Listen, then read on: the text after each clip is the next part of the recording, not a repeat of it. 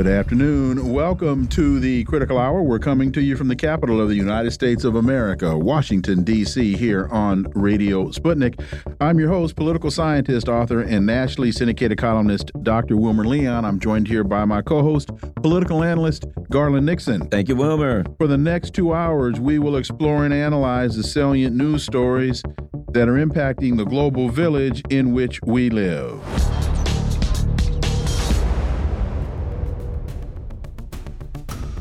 Well, earlier this week, Tucker Carlson was granted a face to face interview with Russian President Vladimir Putin. It aired last night at 6 p.m. Eastern Time.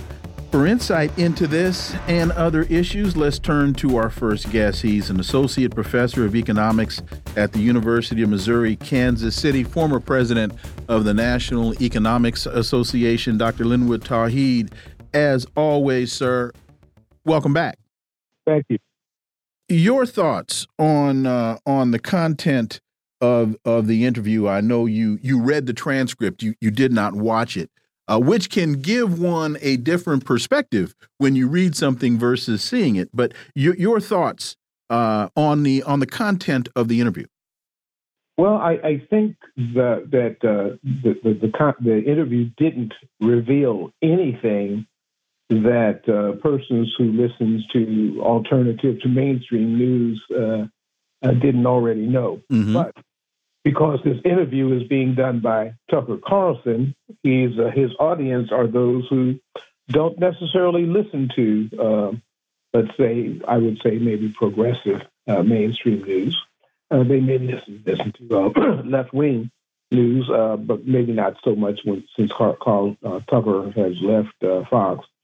So, so those per- persons uh, uh, would would uh, probably find something new in this.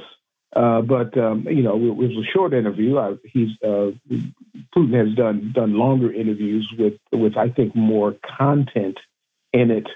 But it certainly is going to be revealing to those who ha haven't heard Putin before. You know, Dr. Tauheed, the thing I found interesting was this in the context of the discussion and the struggle for more, you know, 118 billion dollars, whatever the the current number is, and like 60 billion or something to Ukraine for Ukraine.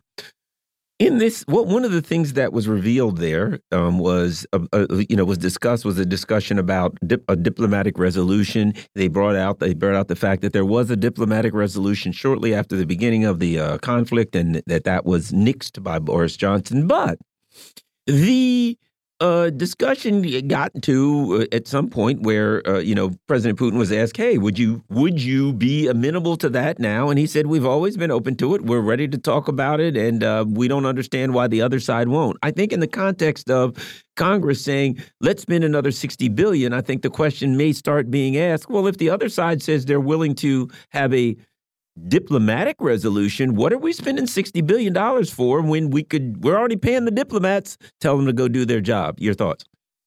Well, uh, Putin did uh, did reveal uh, something uh, well known that there are financial interests that are driving this process. Uh, he referred to a past president. It was obviously President Eisenhower who talked about the military industrial complex as the financial interest that's driving all of this money being allocated uh, to Ukraine because we, we know this money is really being allocated for weapons. Uh, the money doesn't. It probably doesn't even reach the Ukrainian border, except for maybe a part part of it that goes uh, in, into various pockets. But the, but most of it go, is going to uh, military uh, weapons producers, and so this the sixty billion dollars is really for the military industrial complex, not for Ukraine. Some of the things that that jumped out at me that I found uh, amusing if it wasn't so so pathetic. Uh, President Putin being very consistent. Um, Tucker Carlson asked him a couple times, uh, you know, well, when was the last time you talked to President Biden? And he says, "Oh, I can't remember." What do you mean you can't remember? You you he says, "I I got important things to do." And I I don't. He says I can I can you know we we have it on record. We can look it up if you want to know, but I I don't remember. And there and then there would so he was he was very dismissive of, about that as though don't bother me with such trivial questions.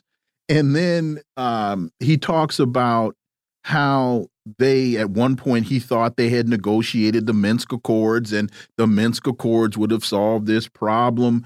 And, you know, then, you know, Tucker Carlson says, well, something to the effect, well, why, why aren't they being, he says, I don't know. You got to ask them. Don't ask me. I'm I'm not the one that didn't, uh, uh, you know. So I always find it amusing when President Putin says things like, "Don't ask me, ask them," or "They have the documents." Ask them to produce the documents. He's very, very clear and very direct about those types of matters. Your thoughts? Yes, I mean he was also very direct uh, a couple of times uh, in, in in letting uh, Carlson know that he knew mm -hmm. his his sources that President Biden wasn't running the country. Mm -hmm. and now, you know, he he didn't he didn't go into detail about uh, the, the, the various cognitive difficulties and so forth, but but he but he made it clear that that what what what many already know is that President Biden is not that engaged, at least mentally, in this process uh, that is being run by the neocons. It's being run by by those who who uh, have an agenda uh, to destroy in, uh, Russia, to make Russia its enemy. And he reiterated, uh, Putin reiterated a couple of times that Russia is not the enemy of the U.S. Uh, but but but it doesn't have friends among the the Biden administration. Well, you know, and, and, we get into the economy and and and and uh, you know, kind of transition into it. There's an article why Americans are so down. It's a Wall Street Journal down on a strong economy. Many feel their long-term financial security is vulnerable to wide-ranging social and political threats. Uh, actually, many of them feel their short-term uh, security, uh, financial security, isn't doing so well. Also, but let me add this: other information came out yesterday on President Biden, where there was a um, there was a, a, report revealed, and the report said that uh, when they were interviewing him, he had some very significant mental acuity problems, shall shall we say? When I look at this economy issue and the attempt to discuss it in a way that seems to bail, try to bail him out, I think that these things that are starting to come together are going to even lesser people's lower people's confidence that he's able to tackle those anyway your thoughts wall street journal article yeah well I, first of all it is a wall street journal article and and what what uh, uh, comes out in that is that uh, the wall street journal even though it's attempting to explain the phenomena that the administration is saying the economy is is great but uh, regular people are saying it's not that it's it's not good. Uh, they're talking about social and political threats to uh, security, and, and those things are there, but it's it's very much ignoring the the, the fact that uh, people on the street are realizing or know that their daily lives economically are not doing well. Uh, we've talked about, you know, they talk about the unemployment rate being you know, very low, and it is, but but but the number, as we've talked about here many times, the number is deceptive in that uh, a person can be uh, employed if they're working five, ten hours a week, if they're working at a part-time job, and there's an increase in part-time work, and so the unemployment rate, even though it's low, is an indication of of uh, persons not working the number of hours they need to work in order to make the money they need to to to to uh, support themselves. And that's in addition to the fact that uh, staple goods, uh, food, and and rent and, and and housing, even though the inflation has gone down, generally hasn't gone down in those uh, for those uh, for those items. And so the you know the numbers are deceptive here. Uh, you know, an increase in gross domestic product in, in, this economy means that the wealthy have gotten extremely more wealthy wealthy than they have before, and people know this. They know that their lives are not doing well while the wealthy are doing very well. And so that's the reason. It's not just the social and political threats to, to stability. There is an economic threat that people are seeing. And let me, and to what you've just articulated, and so clearly, thank you. Um, they write there's a striking disconnect between the widely shared pessimism among Americans and measures that show the economy is actually robust. Well, okay, consumers are spending briskly. Speak to that because when we look at, uh, for example, Black Friday, and I don't if I, if my memory serves me correctly, the the Christmas spending was better than over the last couple of years, but still not brisk enough to support an argument that the economy is doing well. Well, you know, since since the pandemic, the the the economy, uh, you know, dipped very strong, very quickly. This is during the Trump administration, and I, and I don't mean to to to buoy him, but but he was the president when the uh, the uh, recession hit, and then there was a very swift recovery because what uh, Trump did was what Democrats usually do: is start to spend money.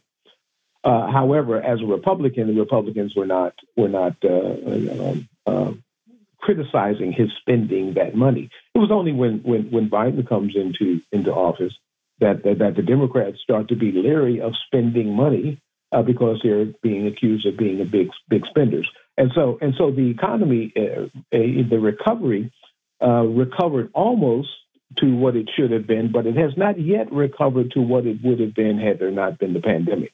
And so that spending that, that consumers are doing is greater than it was during the recession, but it's not what it should have been because people still don't have the money uh, to spend because they don't have the work. Uh, Part time jobs doesn't give you the full time income.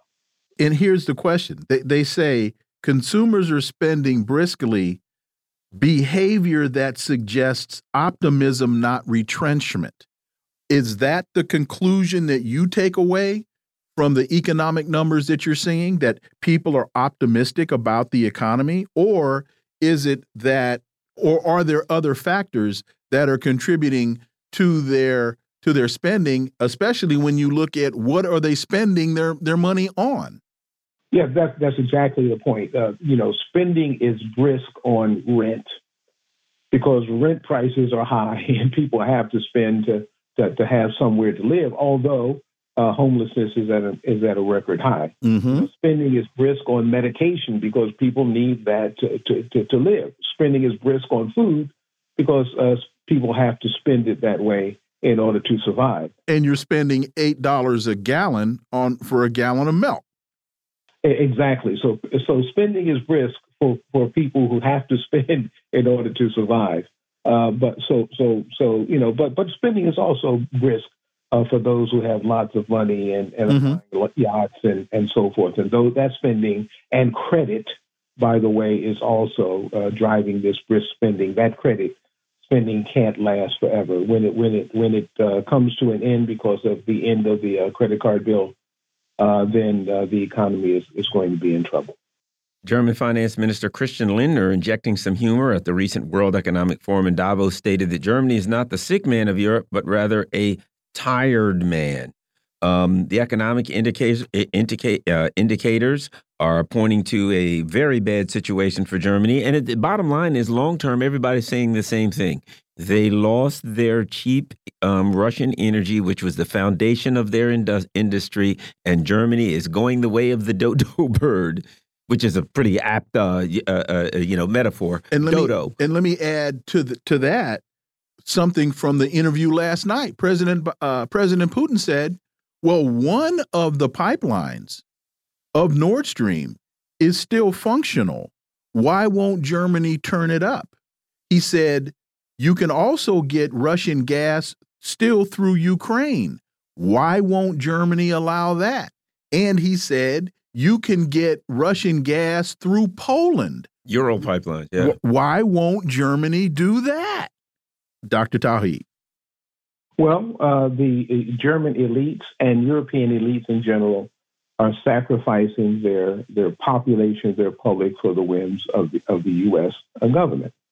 Uh, for and and as as as Putin iterated, uh, it's not Biden who's running this process; it's the neocons, and so the neocons are wanting to uh, destroy Russia at any at any cost, and if that cost is Germany and other European countries, they're they're fine with it, and and, and German elites are fine with it.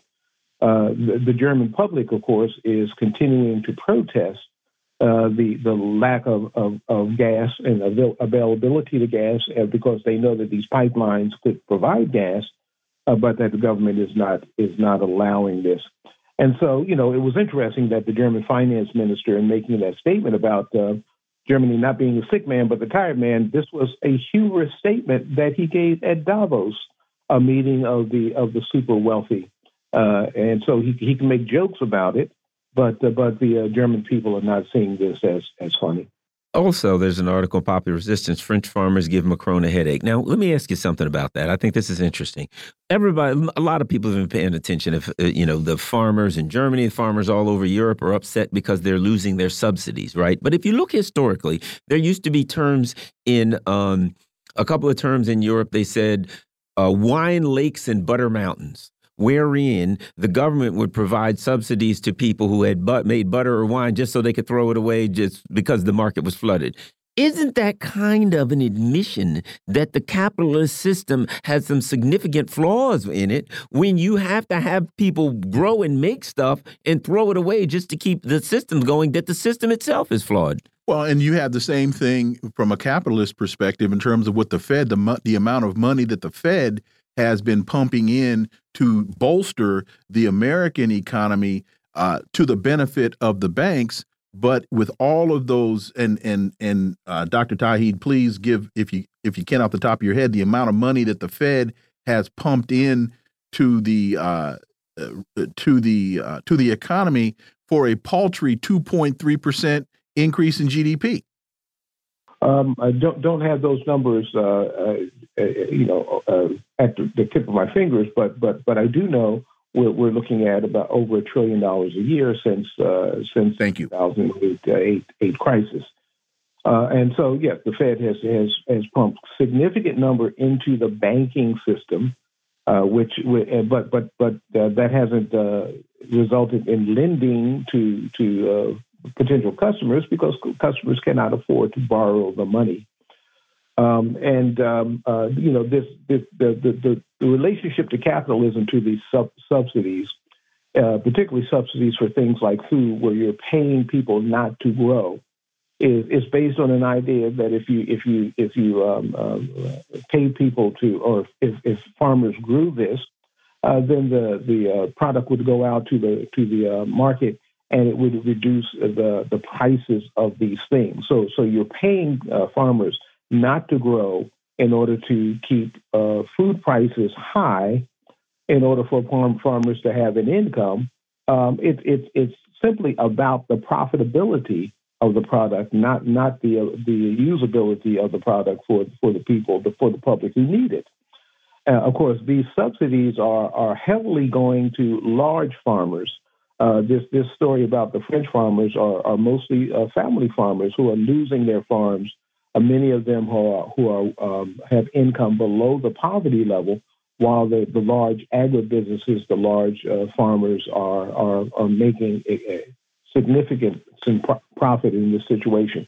This is a this is a process that uh, came through the U.S. economy in the 80s and 90s, where many family farmers lost their farms to to big business it's uh, it's happening uh, in Europe now, in, in, in France and, and, other countries.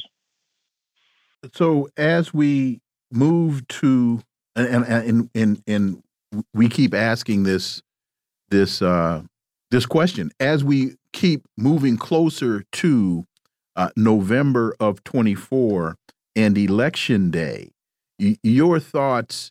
Uh, it, it, it looking at, for example, the results of the DOJ report that called into question uh, President Biden's memory, and now looking at President Biden's response to that uh, to that report, basically saying, "I, I, my memory's fine. My memory's fine." So basically, it, it his attorney should have been whispering in his ear saying, "Don't say that because that would mean the DOJ should be charging you for crimes."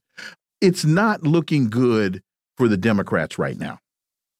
Well, it's not. It's not looking good, and uh, their their attempt to convince uh, the public that uh, that President Biden is is fit and and um, you know cognitively uh, uh, wonderful is is is not working, and uh, it's it's not even working with uh, uh, persons in the Justice Department who are. I mean, it's it's it's kind of a ridiculous ex- excuse that we won't charge him because he can't remember the crime he committed. Um, you know, I, I, they're they're looking that he would be sympathetic on the on the witness stand, and and that's probably true. But but in the voting booth, uh, people are not going to be encouraged by the idea that I'm voting for the guy who can't remember uh, what he did, what he ate for breakfast this morning, and certainly can't remember what crimes he committed with national security documents when, when they're also complaining that Trump did the same thing. Dr. Linwood Tauheed, as always, sir, thank you so much for your time. Greatly, greatly appreciate that analysis. Have a wonderful weekend, and we look. Oh, and go 49ers. And we look forward to having you back. Thank you. Folks, you're listening to the Critical Hour on Radio Sputnik. I'm Wilmer Leon. I'm joined here by my co host, Garland Nixon. There's more on the other side. Stay tuned.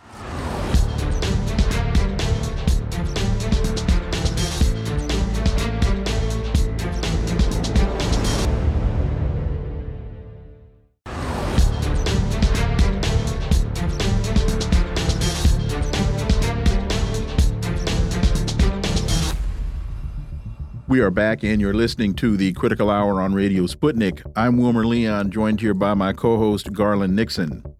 Thank you, Wilmer. CNN and other outlets report the Supreme Court signaled Thursday that it's poised to back President Trump and fend off a blockbuster challenge to his eligibility to appear on Colorado's ballot, potentially by a wide margin.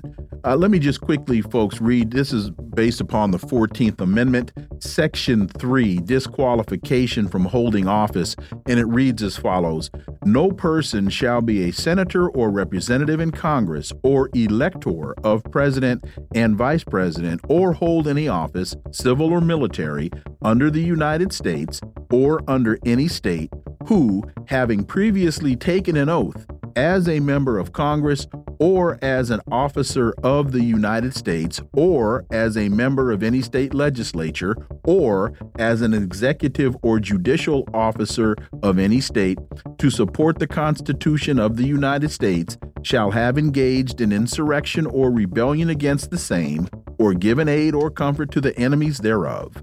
But Congress may, by a vote of two thirds of each House, remove such disability. That's the crux of the Colorado issue. For insight into this and other states as well, let's turn to our next guest. He's one of the top lawyers in California, if not the country. His firm handles police misconduct, including excessive force, deadly force, false arrest, the entire portfolio. He has argued cases before the Supreme Court. He is attorney John uh, Burris. And as always, John, welcome. And before you address this, if you could give us your take on this DOJ report on the document uh, holding issue and the fact that in the report, the writers of the report say they call into question the president's um, uh, memory. And I, I and I, I'm, I want to be very careful on how I describe this because they did not make medical diagnoses. What they, they so they didn't say that that he's suffering from dementia. They didn't say he's suffering from Alzheimer's. They didn't say that uh, his mental acuity uh, is in decline. What they said, they cited specific instances where he could not remember significant events. Uh, quickly, before we get to the 14th Amendment issue, your thoughts on that report? Well, the report itself seems, uh, uh, with the gratuitous remarks is not founded in medical testimony or medical evidence, has really been more political than not. These were comments that were not supported by any particular evidence. And I, you know, he was a Republican, and then, and he got some jabs in uh, from the Republican side of things. So I thought it was a horrible thing that he did. Now, that to me, uh, those comments should not have been made. But I also think this: there was a lot of evidence that would suggest that he had been guilty of a crime. So he got a pass on whether he committed a crime or not, because either he didn't remember or, or he didn't remember certain kind of statements that had been made. But uh, I think that the, it, what, it's not uncommon for people not to remember every particular event. You look to see whether or not there's a pattern of it. But at the end of the day, making determinations as, as to give him a pass because of a faulty memory, I thought was was not an appropriate conclusion to reach. Either he was guilty of a crime or he was not. He was not guilty of a crime, then you should have said he was just not guilty of a crime without then making discussions about what his mental state was without having any kind of medical and scientific uh, professional evidence to support it. Let me ask you this, uh, uh just uh, uh you know, uh, a curiosity.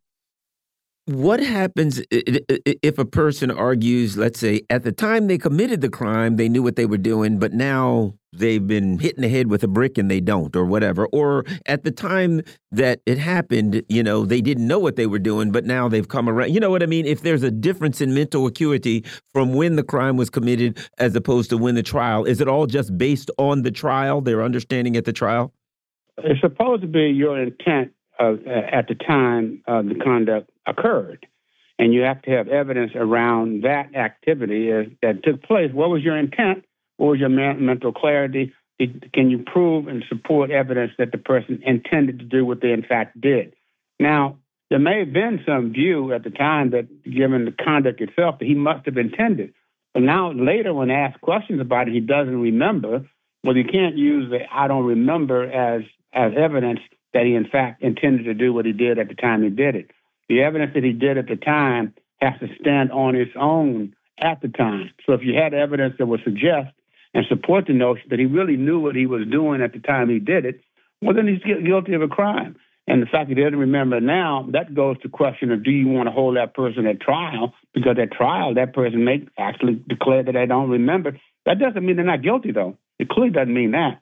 And a jury can determine whether they whether it's important or not that he doesn't remember. The issue then becomes how do you prove what he did at the time that kind of occurred? What did he intend to do then? So it's really not a defense to say I don't recall now, or that, or I can say that mentally I'm not up to it. You can make a, a decision that because of that mental state, I don't want to bring the person to trial, or you can say that person is not mentally competent to stand trial, and that can be, you know. But it's not because you have a bad memory. It may be because you're suffering some kind of mental uh, uh, condition of some kind, which does happen.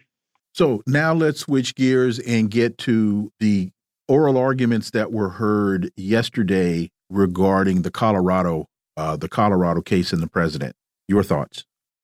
My thoughts are that this this Supreme Court did not care. The original these originalists and textualists, people that are on the Supreme Court, did not care because the language of the of the of the, of the statute is pretty clear. And even though they argued a lot about an officer, was he an officer, did they intend for the president to be included? Some say the plain interpretation would be that the president is included. Others said that the president's name wasn't there, therefore they intended not to include it.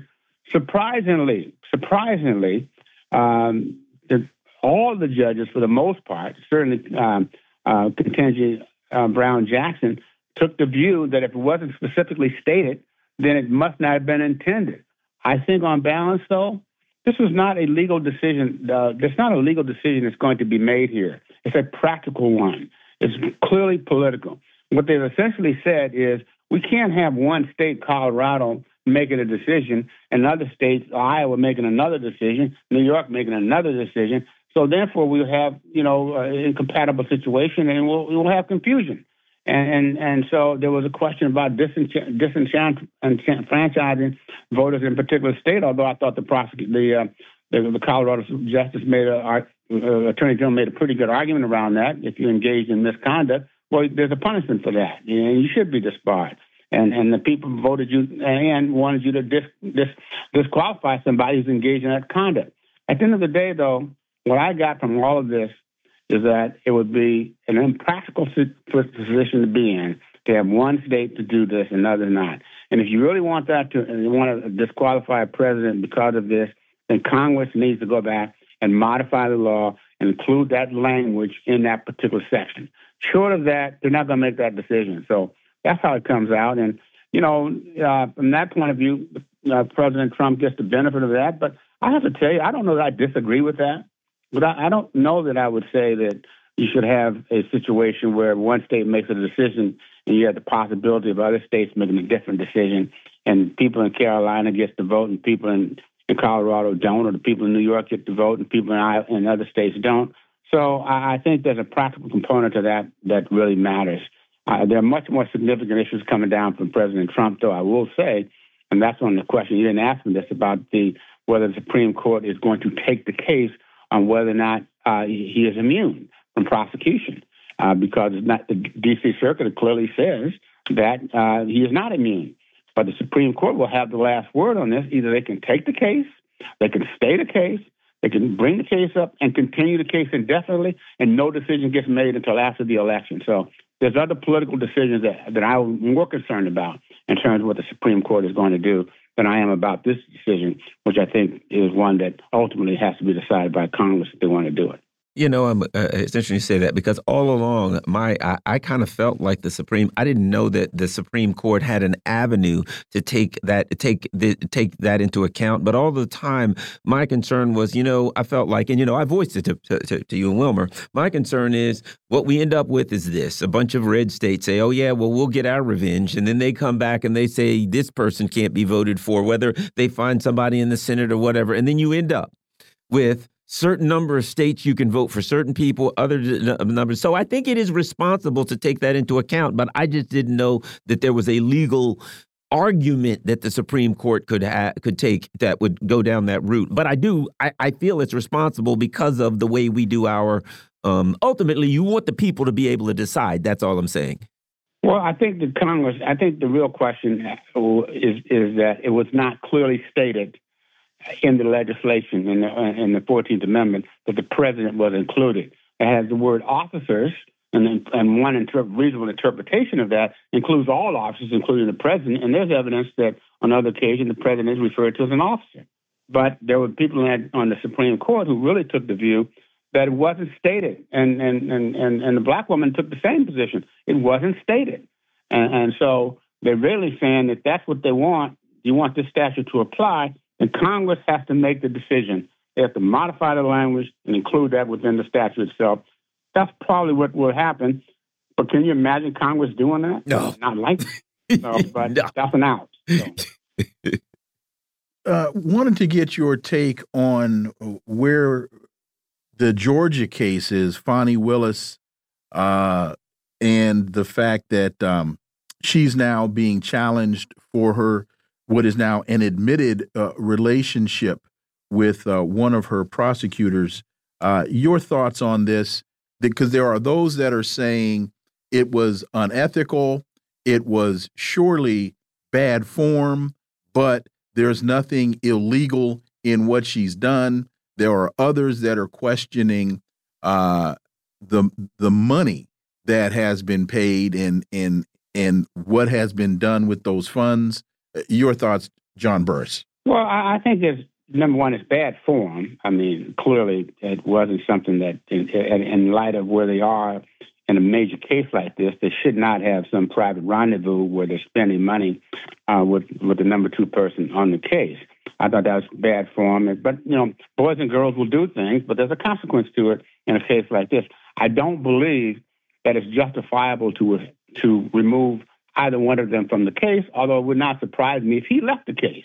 And it might have been better for the whole thing because there's, there's controversy around it. There are other issues about whether or not he's qualified, and that's a big issue that's been raised. Uh, that whether he's that he really hasn't had a, a real significant criminal law experience, a criminal certainly prosecution experience, uh, in major felony cases.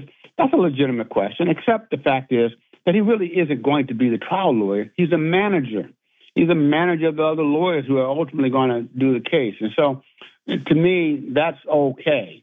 I, I, would raise questions about his competency in terms of the experience because I didn't see the kind of experience that I would have expected. And I'm kind of disappointed that you picked the staff that you have people on who who are not experienced in RICO because that's the nature of this case. But we'll see whether that's true. Other than that, there's a question about the money, whether or not he got so much money that that was so beyond what other people have that it really is a is a is a misuse of public funds, which he benefited from. Now, each of them said that they spent their own money and they reimbursed each other for whatever they did. I think that's proper uh, to have done so, but it still looks bad. On balance, I don't think they get disqualified from the case. I think that it might be good form for maybe him to leave the case, but I don't think it's required. And I think this is a big deal. Unfortunately, it throws a taint around the prosecution itself, which I think is which is not good. Uh, but it's not fatal. The bigger question here is whether the Supreme Court ultimately is going to decide whether or not he's immune from prosecution. And if that's true, then this case will go away in any event. And then the other thing is, it looks like this is going to be able something that the uh, Trump's legal team will probably be able to push it past, past the election. And then you have the issues of if he's uh, elected president, you know, being able to put a president in jail was going to be a. But at any rate, those that that that well, about two or three minutes left. Your thoughts? Well, I don't. You know, certainly if if if he's not if he, they're not going to have a trial with him for him if he's elected president, if this case goes beyond the trial date and before the election date. They're not going to happen. That doesn't prevent them from having the trial on all the other people. Now, if he in fact is convicted before, uh, then then um, question is, does he get to become president? Uh, the issue there would be would people vote for him? Uh, I'm not so certain they will or not. Um, a lot, a lot of the people will not vote if he's convicted beforehand. There's a good possibility that the stay that, that they that they have on now will get lifted. And even if it's lifted and the and the U.S. and the Supreme Court takes the case, the state the federal case can still go forward, or the or the U.S. Supreme Court can say one we're not going to give a stay, and number two we're not going to take the case. It's very easy for them not to take this case because it's been so well litigated and so well um, uh, reasoned that there's no basis to take the case for them to take the case, believe me, that's a political decision that's being made because they want to stop the litigation from occurring before the election because they don't have to take this case. And it's not uncommon for the Supreme Court not to take cases. They take very few cases. In a case where there's a 3 0 decision and ultimately the, most of the D.C. Circuit agreed with the decision, that's not the kind of case that the Supreme Court would normally take. You take cases where there's a split in the jurisdictions and, and in various districts. That's not the case here. So if the case is taken by the Supreme Court, it's political. Well, that means to me that the case is not going to get decided before the election of next year, which then he won't be. Then he will pardon himself if he wins. John Burris as oh wait a minute, so he can pardon himself because that that's well, also been a, an issue of debate. I, I, mean, I should say more not definitively. He will get pardoned. Oh, okay. If he wins, he will get pardoned because what he will do is he could step down for a day, let the VP become the president, and the VP then pardons him, or he can pardon himself. Whether he pardons himself, that's a that's a decision that has to be litigated, and, and that that could wind up before the Supreme Court because I don't think there's authority for that. It's silent, uh, but certainly that he can have this, the vice president appoint him, and or he can have the U.S. attorney to dismiss the charges if they have not gone to trial yet. He can have the whole thing just thrown out by saying the U.S. attorney is withdraws because they have a right to decide what, who they want to prosecute or not, and the court can't stop them. We saw that in some of the cases that happened under under a previous administration. So there's a lot, lot of moving parts here. John Burris, as always, thank you so much for your time. Greatly appreciate that analysis. Have a wonderful weekend. We look forward to having you back. Go Chiefs. I know that. I, well, I know you would like that. I had to say it. I appreciate it, and, and I know you know better. and and and I, am going with the 49ers too because uh, my son-in-law is a um, my son-in-law is a, a, a 49ers fan, and hey, my, my daughter's the boss. Thanks, John. Have a great weekend. I'm a black quarterback guy, so I'm on the black quarterback. Okay. Can't debate that one. Folks, you're listening to the Critical Hour on Radio Sputnik. I'm Wilmer Leon. I'm joined here by my co host, Garland Nixon. There's more on the other side. Stay tuned.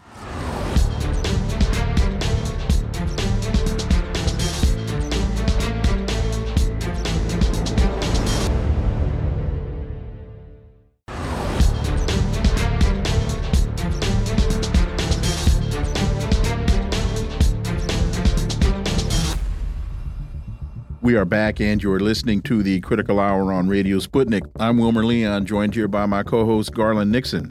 Thank you, Wilmer. As we've been discussing earlier this week, Tucker Carlson interviewed President Putin, and it aired last night at 6 p.m. Eastern. And for insight into this, let's turn to our next guest. He's an author and two time Pulitzer Prize finalist, a Knight Fellowship recipient with more than 20 years of journalistic experience, former Washington Post bureau chief and award-winning foreign correspondent on two continents, Jon Jeter. As always, John, welcome back. Thank you for having me. Want to get your take on the interview, but before you do that, want to get your take on the media response leading up to the interview and the uh, West, the West's uh, so-called analysis of it. Because first of all, there were people calling for uh, Tucker Carlson to be sanctioned. Some were saying that he shouldn't be allowed back in the country. And now there's an awful lot of critique that does not provide any basis for the critique, Jon Jeter, other than the fact that the interview took place, Jon Jeter. Well, I should say I'm starting to wonder. Uh, Jesse Jackson, Reverend Jackson, has uh, famously said that his father was sort of a wandering sort. And I'm starting to wonder if Jesse Jackson's father didn't also father Vladimir Putin, because the media seems to ask the same question of him uh, or to assert the same things of him that they asserted of uh, Reverend Jackson and his pride, which is that if he walked on water, they'd ask why he can't swim. I, I, I, know I find the uh, the reaction to to uh, Tucker Carlson's interview with Vladimir Putin just puzzling. He is a journalist. I think we can debate the quality of his journalism, but he is a journalist. He's interviewing a foreign head of state, one whose uh, uh, uh actions over the last few years are directly impacted by U.S. foreign policy. What's the problem? I don't understand this, right? Are journalists all of a sudden are we are we patriots first and journalists second? I I, I simply don't understand the uh, either the the the reaction to the interview itself before it actually took place, nor the response to it afterwards. I read somewhere someone said that uh, uh, Carlson did not challenge Putin's assertion that the Nord Stream pipeline was blown up uh, by the CIA. Well, a, a certain journalist named Seymour Hersh uh, is is uh, uh, probably has something to say with say about that. Well, you know, John, I, am glad you said that because I saw another one that said um, well, CNN had this absurd article, but in it they said, yes, Putin made these, uh, President Putin made these uh, crazy conspiracy theories that our elected officials aren't really making this decision, that there's some shadowy, murky, dark forces behind them, right? And I thought, yeah, that's kind of what I believe. So realistically, what they, to me, here's what they said our job is to protect the narrative of the ruling elite. And you didn't protect the narrative, you didn't defend it, you didn't attack people who went to, uh, uh, against the ruling elite's narrative. And that's why there's people aren't watching CNN and MSNBC and Fox, that their numbers are going to crap specifically for that reason, amongst others. Your thoughts?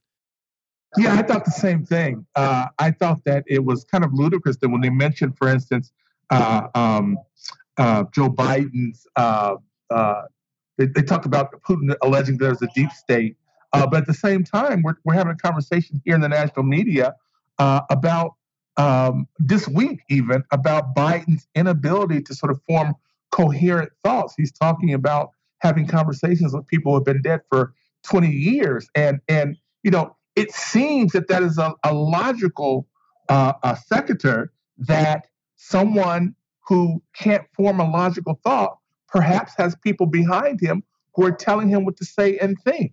I, I just don't, I can't follow the logic of the media and its uh, uh, uh, uh, uh repudiation of Tucker Carlson's interview uh, and, and of Vladimir Putin's leadership and his and his sort of intellectual capacity. Well, there's a DOJ report that was just released that said that President Biden couldn't remember when he was the year he became vice president. He couldn't remember the year his vice presidency ended. He couldn't remember the year that his son Beau died. Uh, there, so that just to me adds a little more support to the argument that there might be some other voices in the room that are actually in the room, not that he's talking to that have passed away but there might actually be people with voices in the room that are having uh, sw holding sway and influence over. And I, I know I'm not saying he's talking to Corn Pop, it, but there are other folks that he might be that might be um, having greater influence than than we would normally expect. I, you know, what I heard President Putin say about blowing up a Nord Stream was He said, just he said, ask yourself who benefits. I, I didn't hear him say definitively the CIA did it. I thought I heard him say you need to ask. He said in situations like this, you need to ask yourself who benefits. That's what I thought he said. Well, he did say you. When Tucker Carlson said, "Who blew it up?" He said, "You." Oh yeah, yeah. yeah. And he said, "He said you didn't do it." He said, "I was busy that day." he said, "Oh, and you have a viable, uh, uh, uh, it not excuse, but um, what do you call alibi. it? Alibi, alibi, alibi." Uh, but one of the things that I found really, really, what I took away from the interview was, well, first of all, President Putin has been very consistent and so he spoke to a number of things that we have been saying on this show for a number of years. And it was very consistent. And he asked the question about Nord Stream. He says, Well, you know, look at this. And talking about the suffering in Europe, he said, There is one pipeline that still functions. Why won't they turn that up? You can, there are pipelines that are running through Ukraine. Why won't you turn those up? There are pipelines that are running through Poland. Why aren't you turning the? I mean, he asked very serious questions that the West does not want asked. Jon Jeter. Yeah, I agree. And, and Putin gave some really very interesting answers that I think we could at least uh, debate at the very least. I thought when he uh, you know, when he spoke about Biden not being in charge, I thought that was something we should have a conversation about the Nord Stream pipeline. I thought that's something we can have a conversation about. Uh, uh, you know, I, I thought uh, I really thought it was very interesting, and I wish Tucker Carlson. Wasn't. I have to admit, it wasn't Tucker Carlson's brightest moment. I'm not a fan of Tucker Carlson, but I do uh, begrudgingly respect his ability to communicate. He's a good. He's a pretty good interviewer. I have to admit and certainly a good writer, at least someone on his staff is. But he didn't follow up when Putin said something which I thought was really very profound. He said, you know, America's really entering a very dark age, a very dark place. I wish he had followed up and that had been a more mm-hmm. robust conversation. But these were things I thought that were very interesting and worthy of a discussion at the very least, whether you're on the left or the right. Clearly, in the United States is in a place where Putin seemed to speak at least to the tensions that we just don't seem to be willing to have a conversation about here in the United States. Well, let me let me read this for you. This is from CNN. So twice you've described U.S. presidents making decisions and then being undercut by their agency heads. Carlson said after Putin made the assertion, earnestly summing up the Russian leader's mendacious narrative. So it sounds like you're describing a system that's not run by the people who are elected in your telling. That's right. That's right, Putin replied. Here's what CNN says Carlson never followed up to challenge the absurdity See, and that's why uh, uh, uh, uh, alternative media is growing. To say it's an absurdity that there are shadowy forces running things when most Americans look at Joe Biden and say, this guy doesn't know where he is. He can't get off the stage without a, a, a service dog. He's not in charge. And that's, I look at that and I'm like, well, no wonder nobody's watching CNN anymore. John. Yeah, I wonder how they're going to explain uh, November uh, of this year when uh, a majority of the American people choose Donald Trump. I, I just wonder how they're going to explain that because they have set the table almost uh, uh reflexively and aggressively uh, as if uh, Joe Biden is somehow the people's choice when it's very clear. You know, this sort of talk, I, I, I was li- listening to Morning Joe, I think, the other day, and they were talking about how wonderful the economy is doing. And then I just heard just a few minutes ago how uh, uh, one third or 40% of all Americans can't even afford the rent. Uh, you know, it, it, it's just, you know, what they're really, it, what, what's the old saying? When you're in a hole, stop digging. That seems to be advice we just can't seem to uh, to follow here in the United States, particularly our media and our ruling class. This interview, it could have been better. I'll, I'll, be very honest. It could have been better. I read the transcript. I did not listen to it, but I was a little bit disappointed in it because it didn't seem to advance the conversation, which at this point, you know, I would like to see, particularly with what's going on. From what I understand, what's going on with the Russian-Ukraine war. But at the same time, you know, it really had some interesting points. It hit some interesting points that I wish we could have elaborated on because it, it could have it could have contributed something to our democracy. And I guess that's the point. I guess that's why Tucker Carlson is under such fire because uh, he's contributing something to our democracy. And you know, he's you know, I guess he's a usual suspect in that because uh, he is a free thinker. I don't agree with hardly anything he says, but he is a free thinker. I'll give him that, and that's dangerous to to Americans crack down on democracy. Switching gears, uh, this is a piece from the Washington Post. Biden says countries receiving U.S. weapons must adhere to international law. Yesterday, he issued a memorandum that lays out the standards countries that receive U.S. weapons must adhere to, and for the first time, requires the administration to submit an annual report to Congress about whether countries are meeting the requirements. John, first of all, I think the United States has laws that over that govern who can receive weapons from the United States and who can't. Unfortunately, it doesn't seem as though the Biden administration or hardly any other previous administrations are following the uh, Arms Export Control Act, for example. Uh, and it's also interesting that now Joe Biden wants to adhere to international law when in at too many turns, as in the criminal the the court of uh, uh, criminal justice, and what they're proclaiming as it relates to uh, Gaza and Israel, all of a sudden Joe Biden doesn't want them to follow that. So there seems to be some great inconsistency here, Jon Jeter. Yeah, this this uh, policy shift, if you want to call it that, seems to be tantamount to rearranging the deck chairs on the Titanic, particularly since it requires, I believe, it requires Israel to uh, uh, voluntarily, you know, disclose, you know, what they're using the weapons for, which, you know, seems pretty obvious. It, it, it reminds me uh, it reminds me of a uh, of a uh, story that a, a, married couple once told me about how uh, the the husband and wife had decided long ago that uh, the husband would make all the big decisions, the wife would make all the small decisions. But the caveat was that the hu- that the wife would tell the husband when it was a big decision. Um, and as he told me, I haven't been called on yet, but I'm ready. this, this, seems to be that kind of arrangement uh, that we're making here, and, and, you know, just kind of a very clear, just a very clear. Um, uh, effort by, by, the Biden administration to appease uh, the very uh, robust criticism that he's rightfully receiving. What are your thoughts on the findings of the uh, special prosecutor there, um, with the in in regard to uh, the mental acuity of, of, of President Biden?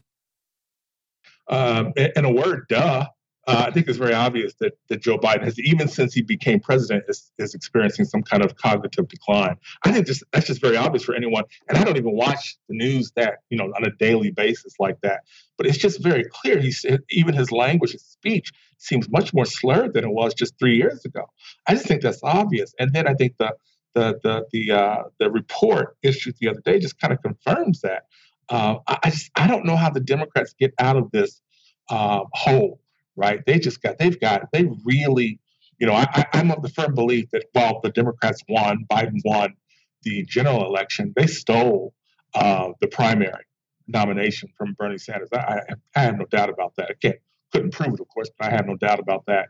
Um, and they've really dug a hole for themselves that at this point, you know, for a short-term gain, I don't, I, you know, it could really be the existential death of the party.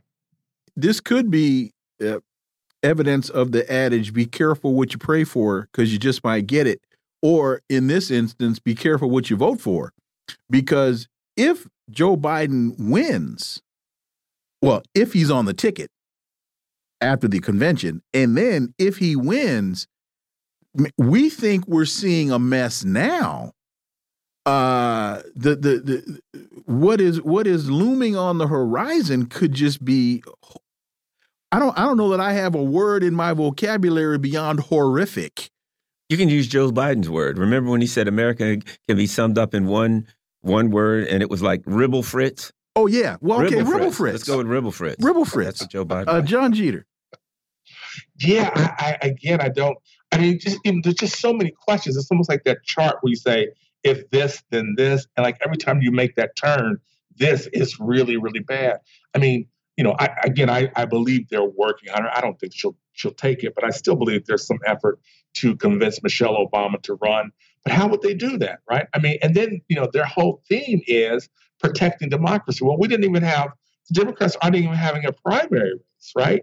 So how do they protect democracy? And then how are you going to ease Joe Biden out into the into the you know the, the sunlight, like Gary Cooper, and bring in someone like Michelle Obama or or maybe California's governor. Uh, you know, I, I, I don't know how you do that, right? Uh, and then if you use Joe Biden out, well, what about Kamala Harris? I mean, you have to admit she's lackluster. She can't win. So they just have, it just seems like it's one problem after another. It just proliferates like a, like a field of daisies in the spring, right? Just one problem after another popping up. I really, it would almost be amusing if the stakes weren't so high. But let me say this too, though. I think the death knell, the final nail in the coffin, was October 7th. That has just really almost, you wonder if this isn't what Malcolm always talked about, right? The, the awakening finally of the people uh, and that that live stream genocide, which Joe Biden and his spokespeople are so supportive of, if that's not that's the final nail in the coffin. They just can't come back from that. It's not such a big deal for for for Trump because his people uh, support a genocide in, in in in Gaza. But Joe Biden, I just don't think he can.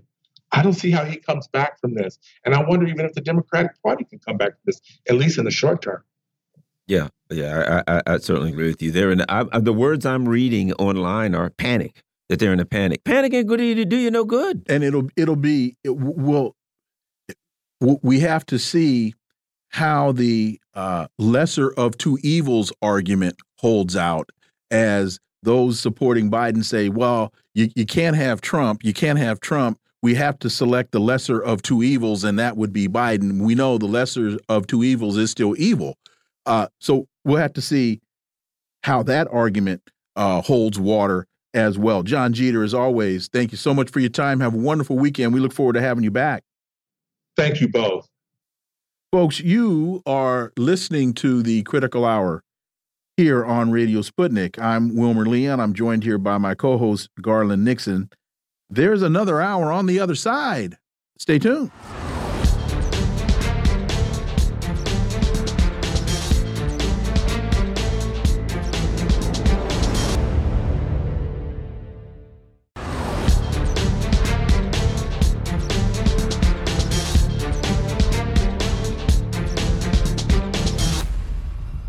We are back, and you're listening to the Critical Hour on Radio Sputnik. I'm Wilmer Leon, joined here by my co host, Garland Nixon. Thank you, Wilmer. Well, as we've been discussing, there was a pretty big interview that uh, Tucker Carlson held with uh, Russian President Putin. It aired last night at 6 p.m.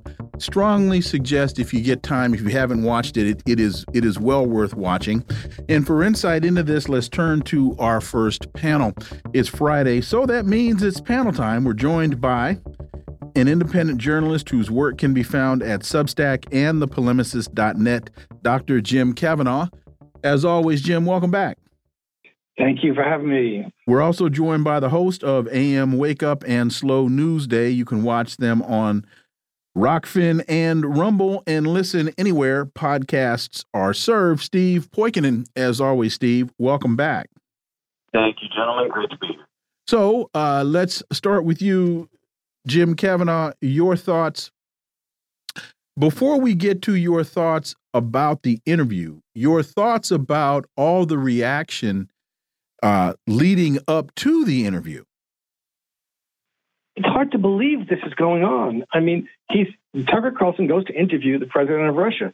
This is standard journalistic practice, and they're all over the place saying he should be prosecuted under Espionage Act. The EU is going to ban him. I mean, they 60 Minutes did an interview with I think it was 60 Minutes or ABC with Osama bin Laden. I mean, what is the problem here? They're trying to criminalize normal journalistic practice. The problem is that Vladimir Putin is a coherent, intelligent, obviously competent, more than competent statesman. And when you hear him talk, you hear, well, to some extent, of the, you know, a, a uh, history lesson going back more than a thousand years, which is a little bit unnecessary. But you also hear facts and analyses about the the world over the past 20 years that are in his grasp that he can tell you, he can explain his position, whether you like it or not. You can hear a coherent version of his position. And then you, that's a hell of a contrast to someone who, you know, thinks Mexico is uh, Egypt and uh, can't remember when his son died and uh, doesn't know his wife from his sister. And so this is what, what they're fearing. This is, this is treason. And uh, this is uh, espionage if you present to the public an interview where you let someone else, someone talk who's going to show up your politicians as the frankly delusional idiots that they are. Steve, same question to you, and let me add to uh, to Jim's point about the history lesson. And yeah, that was a that, there was a history lesson. I mean, at one point, Tucker Carlson said, "Well, what year was that?" He says, "I was eight sixty seven. I remember it well. In fact, wow.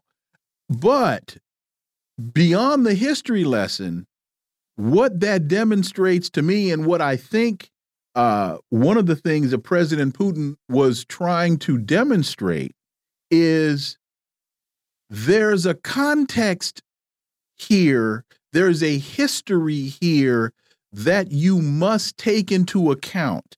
The the for example, contrary to the Western narrative, the Israeli Gaza conflict did not start on the 7th of October. There's uh, what is it? 75 years of history here that you have to take into account if you want to properly assess and analyze the actions that are taking place now. Uh, you know, so the, the the conflict in Ukraine did not start on the 22nd of February of two of 2022. But that's what that was my takeaway from that history lesson, Steve Poikonen.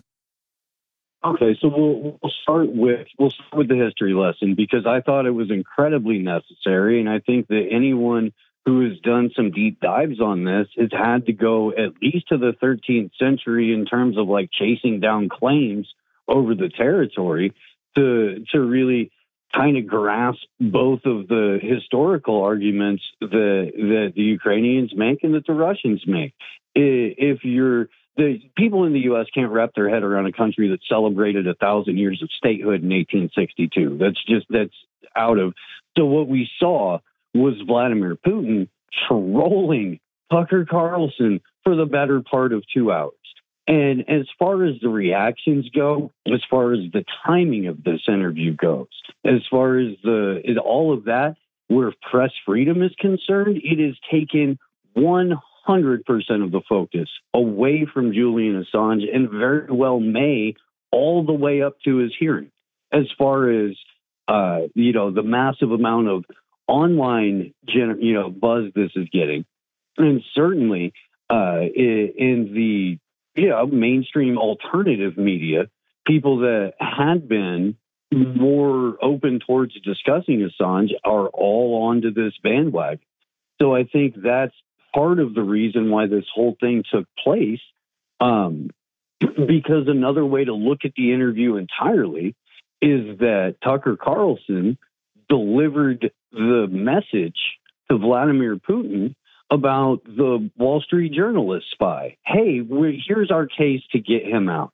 And that didn't get introduced into the conversation until the second or third time that Vladimir Putin had basically called Tucker Carlson the CIA. Jim, let me ask you about this particular aspect of the discussion. Um, you know, one of the things that was brought up that we all know it because we follow this, but most people have no clue is that they had a deal a couple months after the um, after the uh, the the the, the uh, confrontation, the conflict started, and the, the you know Boris Johnson came in and and and nixed it. Here's my point. In the context of the discussion in Congress about sending another $60 billion, when people find out that the other side saying, eh, we'd be happy to talk about. It. You don't have to spend $60 billion. We've never said we don't want to talk. We're open right now. If you want to talk, let's talk. We can find a way, hopefully, to fix this thing. It's kind of hard to argue, give them 60 billion to keep fighting when the other side's saying, well, if you don't want to send 60 billion, just send a couple of guys and we'll sit down here and we got a list of issues. We can work out a deal. At any rate, your thoughts of that aspect of it. Well, certainly the timing of it is crucial in that respect. It is going to affect uh, this vote on the $60 billion. And what you hear from Vladimir Putin is, we are we willing to talk about it? We talked about it. We had a deal uh, practically done, and you guys came in and stopped it. First of all, we had we had a deal during the Minsk agreements between 2014 and and 2022. And you guys, by your own admission, the presidents of France and Germany said we just use that to build up. So these are things the American people need to hear. We know this, but you don't hear it very often. It's hard to now because there's such uh, such brouhaha about this. People will probably hear more people will hear this than than have heard it. And uh, you know, I think Putin was being a little bit. Uh, you know, yeah, they're going to have negotiations, but the situation because you know, as Vladimir Putin said, I they you said to me, pull back from Kiev and we'll have negotiations. So I did. Now it's going to be a different kind. The negotiations are going to be on different terms. I mean, the Russians have now had to go, and the Ukrainians have had to go through another year and a half of warfare, two years of warfare, uh, uh, for for the sake of this. So there's going to be a lot less that the Ukrainians are going to get than they would have gotten if they had done that deal in April of 2022. So uh, people have to hear this, and it, it you know, it, it, it keeps saying them. What? Why don't you just call the call, call the president? Well, why should I call the president? We had a deal. We were negotiating. Zelensky, who's put out a decree saying well, you cannot negotiate, let him cancel that decree. You know, this is why are you talking to me that we should negotiate? You guys are the ones who ended negotiations and put out decrees about decrees about no no, no negotiation. Talk to your guys. Don't talk, don't ask me that question. And who can argue with that? I mean, so seeing someone say that and say it coherently and say it with intelligence and saying it with facts that can't be disputed is a very difficult thing for uh, the for the ruling class and the people who want to continue the Ukraine war, especially when they themselves admit they will not defeat Russia. So what's the purpose of this?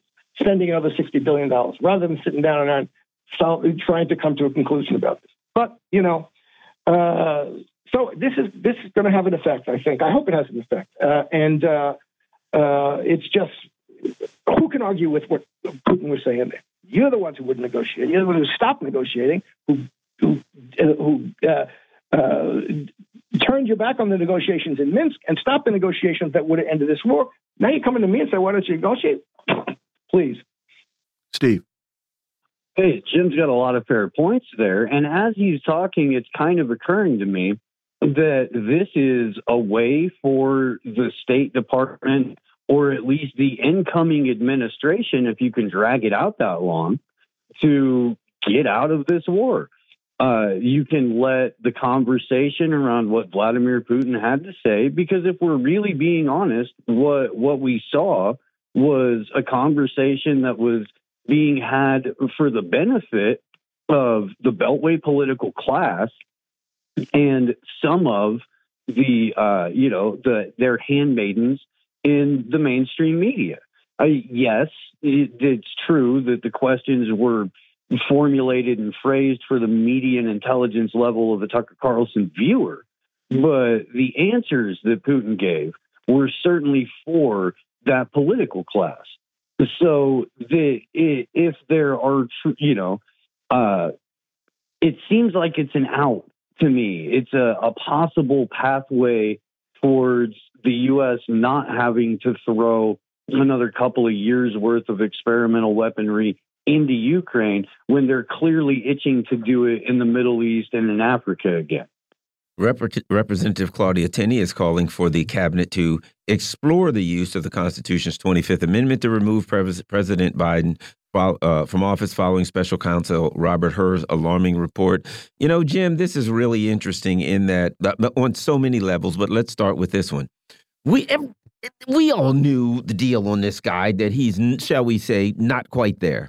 But you now have a finding that basically says, as I read it, you know, the he's guy quite there. Yeah, we might have charged him and took him to court, but these non compos mentis. And here's the part that I find odd. Joe Biden, in his addled state, basically argued that he should be charged. He basically came on and he said, Hey, there's nothing wrong with my memory. Of course, then he got mixed up over who's the president of Mexico and Egypt. But if they're saying we didn't charge you because you got mental acuity problems and you come on and you argue no i don't have mental mental acuity problems you're basically saying they should have charged me it sounds like that old bugs bunny it's rabbit season no it's duck season uh, uh, joke but at any rate this ain't a joke uh, your thoughts on the findings of Joe Biden's, the obvious findings of uh, Joe Biden's mental uh, issues? Well, this is what this woman Tenney has said, and the logic is impeccable. Look, if he's not competent, mentally competent to stand trial, then he's not mentally competent to be president. So you either have to charge him because he's mentally competent enough to stand trial, or remove him as president. Because if he's not competent enough to stand trial, which is a very low bar of competence, then he certainly shouldn't be president. I mean, this is again, this is irrefutable logic. What can he say about that? As you say, he comes out and says, "Oh yeah, I'm competent enough to to, to stand trial." Essentially, my memory's fine. I, I now let's talk about Mexico and uh, and Egypt and figure out who's what. You know, this is. You know, I think the fact is he's not mentally competent to do either. And I think everybody sees that, as you say, and everybody knows it. And they're going to now. It's becoming really impossible almost for them not to do something about this. And it's going to be a mess. What I said, he's not going to be the nominee. I don't see how they can possibly do this. I don't see how they can get can get him even to the finish line or the, whatever line it is in, in July at the convention. And uh, you know, he when he comes out and tries to defend himself, he makes himself even more ridiculous and proves the point. But this is where the Republicans will play. This is a matter of national security. If he's not competent enough to stand trial, then he's comp- not competent enough to be president. Either you charge, him, and if you don't charge him, uh, uh, uh, if that's the reason you're not charging him, they should be president. And if he's competent enough to stand trial, then either he has to be charged or you're going to have to charge it against Trump. Well, uh, Steve, that begs two obvious questions. Number one, should Jim be charged with treason? And number two, is Kamala Harris our savior? Joe Biden is Schrodinger's president. that's that's kind of where we're at right now. Because Jim's absolutely correct. If he's not competent to stand trial, which it would be an early contender for the least surprising headline of 2024. If he's not competent to stand trial, he's clearly not competent to be president. But if you have him in this limbo here, it's then nobody knows.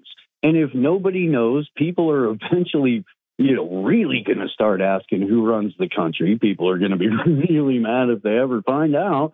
Uh, and, and Kamala Harris is going to be the the most well managed uh, lame duck president, not you know asterisk president for a couple of months while they swap out and figure out who they're going to try to run to lose to Donald Trump in in, in the election.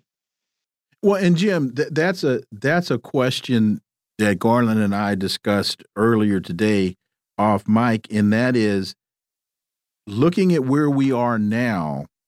How do they how do they make this swap? How how do they get this done? Um, beyond who they select, but how does it get presented to the American people so that the argument does not become, well, if you're stepping down, if, if you're deciding now not to run for reelection, why don't you just fade to black and go to Delaware, getting your uh, getting your Corvette, and call Hillary. She'll run. And well, I hadn't thought about that. Uh, Jim, how how do, how how does this get presented? How do you make the swap? You don't have a receipt, so and you've worn the pants. How do you take them back to the store? there's no good way of this. They, they they're going to look like fools, whatever they do, and liars, and and and people have been just bull crapping you the whole time. Whatever they do, I mean, I can spin out some scenarios where uh, Kamala Harris right now resigns for some kind of oh, I found out I have the, the you know uh, herpes or something, or something's wrong with my little toe. I got a, my family reason I have to resign, and then they appoint. Uh, uh, Newsom as vice president, and then Biden resigns, something like that. But you know, but silly. This is whatever they, they can't do it in a way that looks like it's not what it is, which is desperate nonsense that they brought upon themselves by pushing this guy into the presidency was not all there four years ago. So uh, uh, there's no good way. The Democrats are, it's a disaster for the Democrats, whatever they do.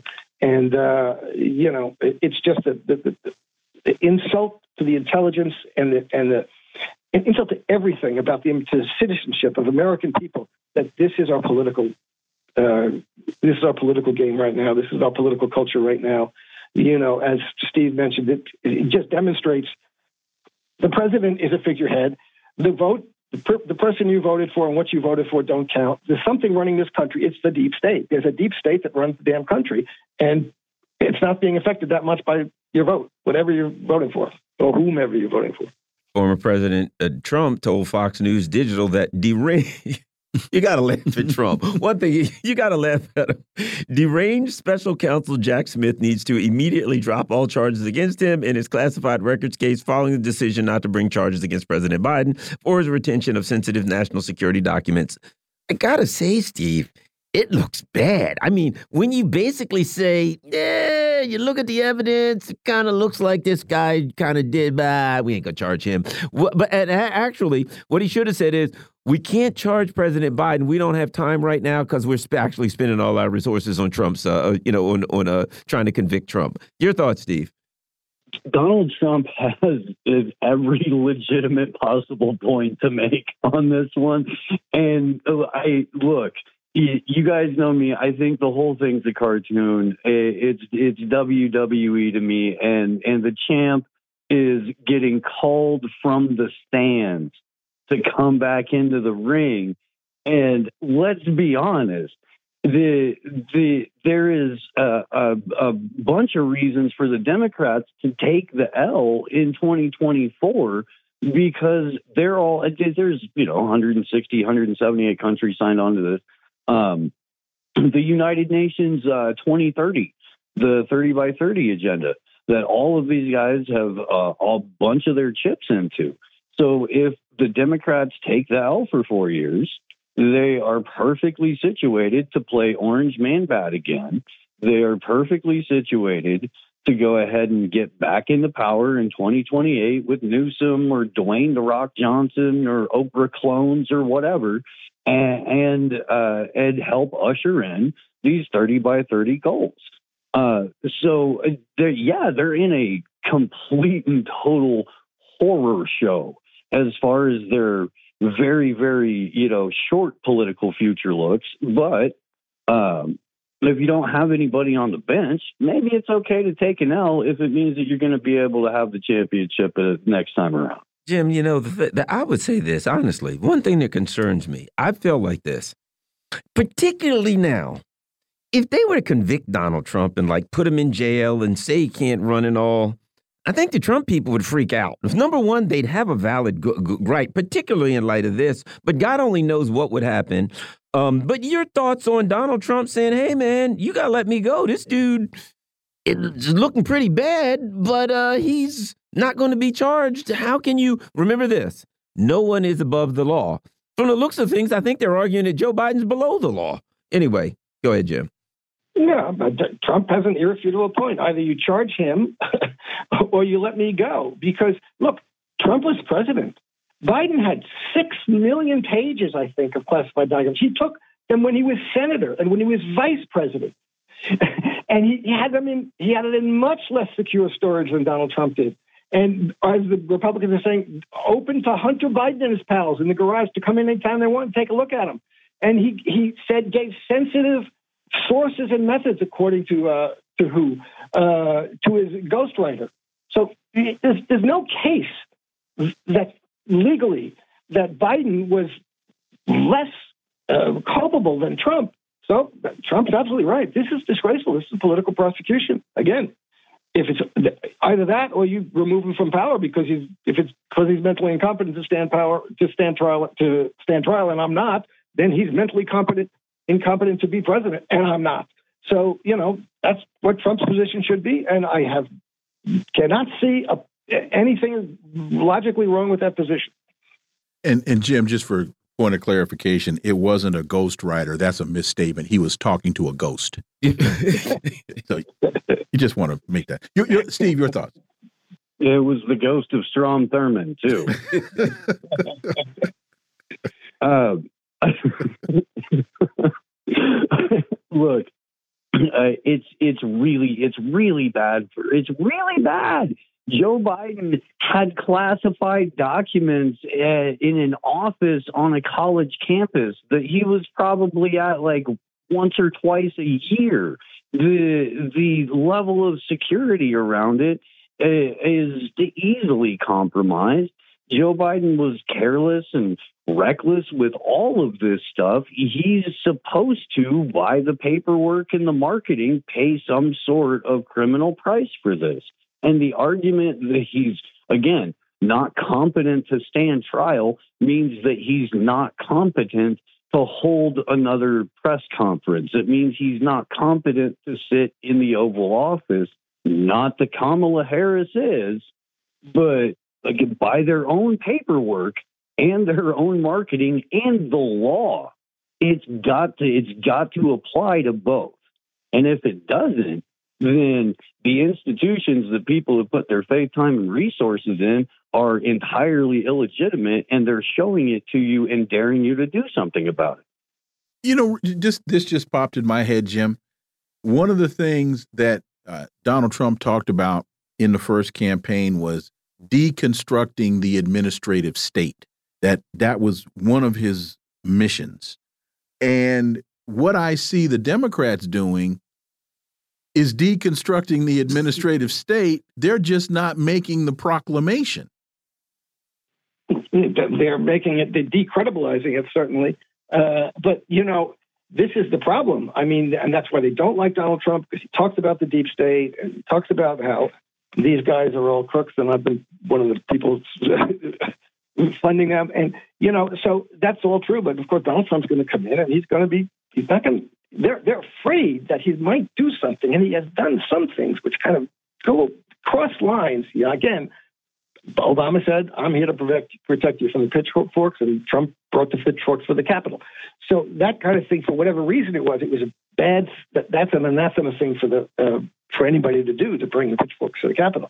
So they don't trust Trump. But at the end of the day, I don't see him uh, not being controlled by the deep state. I don't see him going around, going off the, some, crossing some major red lines. He's a creature of the swamp that he excoriates, and he knows it. And and uh, but they've now come at him so badly that maybe he'll be uh, a little more uh, regressive against it next time. And again, they're afraid of that. So I don't know what's going to come of it. But of course, I don't trust anybody, and I think the deep state has power that uh, uh you know is not going to be solved by the election. Steve, Israel made some claims that the UN's uh, relief agency that uh, helped feed and, and, and house the Palestinians was uh, connected to 13 out of like 30,000 employees was connected to Hamas.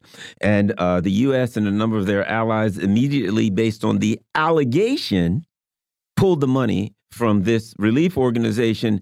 And now we're finding out that Israel basically had a six page, basically, they had the accusation. That's the evidence they had. Hey, they did it. And so now what the U.S. and these uh, countries are saying, now that they've uh, pulled the money, they're saying, well, you know, we're going to look into this thing and figure it out. But the first thing they did was they said, we're going to pull the money from people who are already starving, who are already dying of thirst. We'll pull their money. And then later on, we'll figure out that, yeah, it was all a hoax. Steve. So as far as the Israelis are concerned, that's a that's an accomplished goal. That's mission accomplished, at least in the short term. Uh, the other side of that is it's a day that ends in Y, which means the Israeli government, and the Zionist entity, has lied about something. And uh, when BBC, I think it was BBC Four, uh, put this out, put out their report that they're like, "Hey, there's no evidence for this." It was almost like a you guys come on, you couldn't come up with something? Because that's how far we're into this. The bad part of this is that the Israeli government, the Zionist entity, has killed most of the journalists in, in Gaza. so it's getting more and more difficult to get information out on the ground from there. And the Israeli government is taking advantage of this uh, and promising to uh, unload on the Rafah crossing. And so, if there are no journalists alive to cover it, does the massacre really happen? Steve, we got a couple of minutes. Your thought? They pulled the uh, they pulled the funding based on a um, accusation, and now we find out that that's all there was was an accusation. So far, there's been no evidence presented. Well, and, and that's just consistent with a lot of other allegations that they've made that have proven to be untrue. Yeah. You know, today it ends why. So the Americans believe what the Israelis said and act upon it. and you know they take the Israelis' word for anything. They don't. Uh, they presume it's true because they're on the side of the Israelis in every case. That's just the case. The Americans are uh, an agent of Zionism. The American government is an agent of Zionism, and proudly and deeply committedly so. And it's a it's a huge problem. Now the UNRWA thing is so nasty because this is the agency that uh, you know is designated for the Palestinian refugee problem. This is why the Israelis were, are after UNRWA. UNRWA they want to get rid of it because they want to disappear the Palestinian refugee problem as a problem. The Palestinians get absorbed into a kind of amorphous mass of refugees out there. The U, UNRWA was was set up to deal with the refugees, first of all from Europe, the Jewish refugees, and then became the refugee that was set up to accommodate and to deal with the humanitarian effects of the of the Nakba. And the Israelis want that gone. They want that to be forgotten about. So they've been after UNRWA for a long time. And this whole nonsense, you know, I mean, you have the, the, the agency that's the only agency and the most important agency to feed a half a million people who are going to be starving in, in, in and are now starving in Gaza.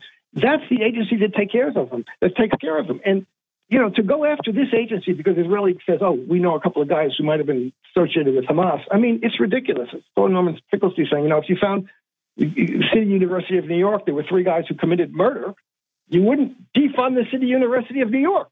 Now you have this situation where you have five guys who maybe were associated with. So people in Hamas is a political organization, like the IRA, like Sinn Féin. There are political people who have day jobs who are also members or associated with this political organization.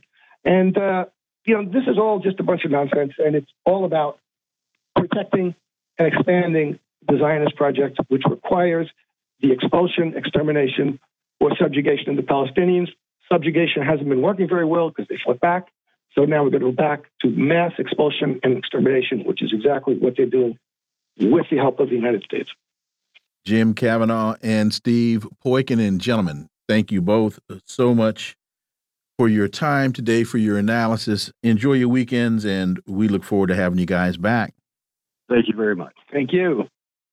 You know, Garland, I think we're, I think we're going to look back in November, and we're going to look at this week as being an incredibly decisive week based upon a couple of things that have transpired especially since yesterday. I'm I'm I'm looking forward, and I don't normally watch them, but I'm gonna have to watch some of the Sunday talk shows mm this week. I'm gonna have to watch them to mainly to see what they're going to say about this Biden situation. How did they clean that up? I mean, that's.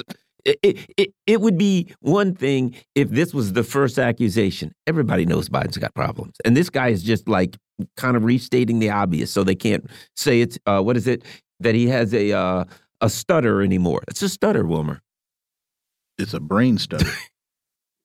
and well, and it's also going to be interesting to see how they manage the uh, the interview, the Tucker Carlson interview.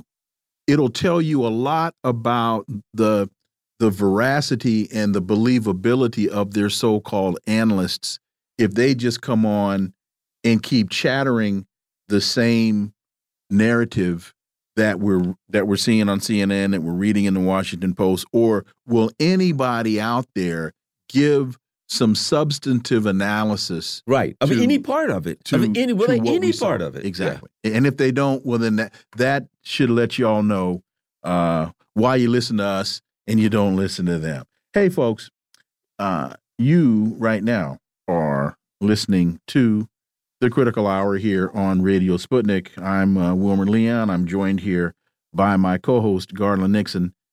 There's more on the other side. Stay tuned.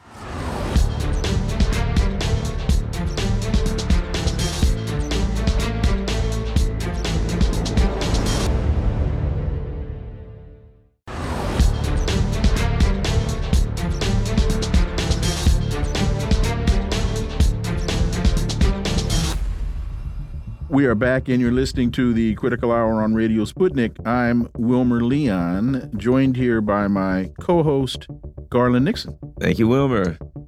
Well, folks, as we've been discussing, we, uh, there was a, what we thought was a pretty good interview that took place last night, and uh, we want to see what our next uh, next guests thought about it. I believe we have with us uh, Erica Caines. Erica, you with us? Yes, I'm here. And we also have Ajamu Baraka, sir. Yes, sir. I'm here. Oh, there we go. There we go. Great, great, great. So, uh, Erica, let's start with you. Uh, your thoughts, and we've been asking uh, our our guests before they give their analysis of the interview, the, your thoughts about all the hoopla and the furor that led up to the interview, all the condemnation of uh, Tucker Carlson. Well, you know, that's to be expected. I think, um, you know, the Democratic Party has a sort of, you know, that's part of their campaign to oppose uh, the Republicans, obviously, but to, to create a narrative, particularly around them, as to say they're the, you know, the pinnacle of evil and, you know, the Democratic Party is a party of favorism, etc. So I think that that was to be expected. Um, that is not to say that Tucker Carlson isn't an opportunist, obviously, politically. Um, and he has his own things with him. But I do think that the hoopla is, is it's what it's going to be, especially as we're coming up with an election year. They need to keep this going, this war going. They need to actually sustain it or sustain some credibility, whatever's left, um, so that they could have a viable prospect in this election. And it's not really looking great for Biden uh, currently with those numbers. So that hoopla was to be expected. And same question to you, uh, Ajamu Baraka, especially now as we look at uh, you know the attack on journalism. We look at Julian Assange. I mean, there were some saying that um, Tucker Carlson should be sanctioned. Some were saying he should be charged with espionage for doing his job as a journalist and interviewing. One would have to say one of the top three uh, world leaders, and I I use that in terms of Kim Jong Un, uh, Vladimir Putin, and Joe Biden in terms of international conflict. I, am using it in that context. Y your your thoughts? I think that um, the controversy is really reflective of the of the of the, a, political environment, a very dangerous one. Uh, more dangerous than even at the height of the so-called Cold War. Because even at the height of the so-called Cold War, it was not uh, forbidden for U.S. journalists to interview uh, the leaders of the of the Soviet Union. But because the, the, the, the U.S. has moved so far to the right, because you have such an aggressive push on the part of the neoliberal um, uh, ruling element to constrain and contain uh, information uh, because of the fragile nature of the of the situation as a consequence of the deepening crisis of of of leadership uh, in this country. Any alternative information that might challenge the hegemony of their of their narratives, they are now um, uh, attempting to, uh, if not criminalize, at least delegitimize it to the extent that uh, no one is supposed to even give it any kind of um, uh, credible attention. These are all the hallmarks of the growing fascism uh, in the United States of America, a phenomenon, a political phenomenon that I've been arguing for quite some time, at least the last eight years, being driven primarily by the neoliberal elements that control the U.S. state and have created, have developed a, uh, a unholy alliance, if you will, between the state and the major media and social media corporations to impose uh, a, uh, a, an ideological conformity on the U.S. on the U.S. population. So when Tucker Carlson attempts to provide a platform uh, to at least uh, provide a, an alternative uh, uh, an alternative perspective on these critical issues that the U.S. is involved in and that's impacting the entire world, look at the look at the at the response. It is absolutely incredible. And what is interesting is that again, liberals that used to pretend to be the upholders of of of the liberal tradition, uh, they talked about uh, they upheld freedom of speech and and association and and, and all of these uh, liberal myths they have completely outed themselves to be the frauds that they've always been. So this is really an incredible and dangerous uh, moment because you have so many elements of the of U.S. society uh, on the on the bandwagon, attempting to uh, undermine, criminalize Tucker Carlson, and, and the message is quite clear to any other journalist in the country. Uh, if you uh, stray from the orthodoxy, then be prepared to feel the full full weight of, of the law and, and the repressive apparatus of the U.S. state. Erica, also something that I uh, took out of there that I think is of great consequence, something that we probably always already knew, but that the people maybe who haven't been following these things uh, would know, and that is the discussion that um, when the basically uh, Vladimir Putin said, "Look, I, have never said that I don't want to use diplomacy to end it. We're open. They don't want diplomacy. They kill diplomacy. We're open to this day for diplomacy to resolve this thing in a dip diplomatic way. And I think it was important for that to be said because right now they're trying to get another $60 billion into the hands of Lockheed Martin and Raytheon under the guise of saving the Ukrainians. But I think it demonstrates the nature of imperialism that it's not about getting a deal with the other side. It's not about get, ending things in a diplomatic way. It's about domination and taking the things that you have. That's what they've been doing to, you know, Africa and Latin America. They're looking at all of this stuff in Russia. Wow, they got gas and oil. We got to take that. It it exposes the nature of imperialism. And that's what they're doing in Gaza. Exactly, Erica. Yeah, and I to your point, there has been a, a a plethora of misinformation still um, around what's happening um, in the proxy war, uh, especially, you know, no one is really talking about that the fact that Ukraine has been gutted. Um, there's nothing, it's, it's completely privatized. So to keep this war going is one beneficial for the U.S., but again, it's beneficial for this campaign. Um, Biden is in a plethora of wars right now, um, not only with uh, participation in Gaza, but Yemen and Syria and then uh, Somalia. He's interfering in Haiti. Um, he's interfering with Taiwan and trying to agitate China. And, you know, the arms can only stretch so far. Um, and, and it's clear and it's obvious. So I think what Gaza has done is at least open the doors to people, more people being susceptible to the misinformation, at least around Israel, and then questioning, well, what else could be the truth? And asking more about what's happening. And I know the ICJ or maybe the ICC, I can't remember, but there has been conversations around even revisiting what happened in the Donbass region as a genocide. Um, so all of these things are happening, and I think that that really speaks to the necessity for them to keep this going um, and validate it. Here's an, uh, let me read something right here. Here's an article for 2022. Zelensky, BlackRock CEO Fink agreed to coordinate Ukraine investment. BlackRock now has the contracts to so called rebuild Ukraine. So there you have the imperialists that start a war, blow everything up, and make money selling the bombs. And then after they blow everything up, then they build it. They've got the contracts. BlackRock's going to make a fortune rebuilding whatever's left of Ukraine. Uh, and, and that's the real game. So when Vladimir Putin says, hey, we're we're open for diplomacy.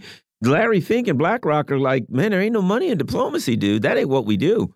And with that, and, and with that article, that BlackRock has the they've started this finance this finance bank uh, with a seed money of I forget how much money is in it. What kind of time frame are they operating on? What do they see on the horizon that indicates to them that within the next few months there's going to be some kind of cessation of violence or settlement to this deal to where they'll be able to do this. Ajamu.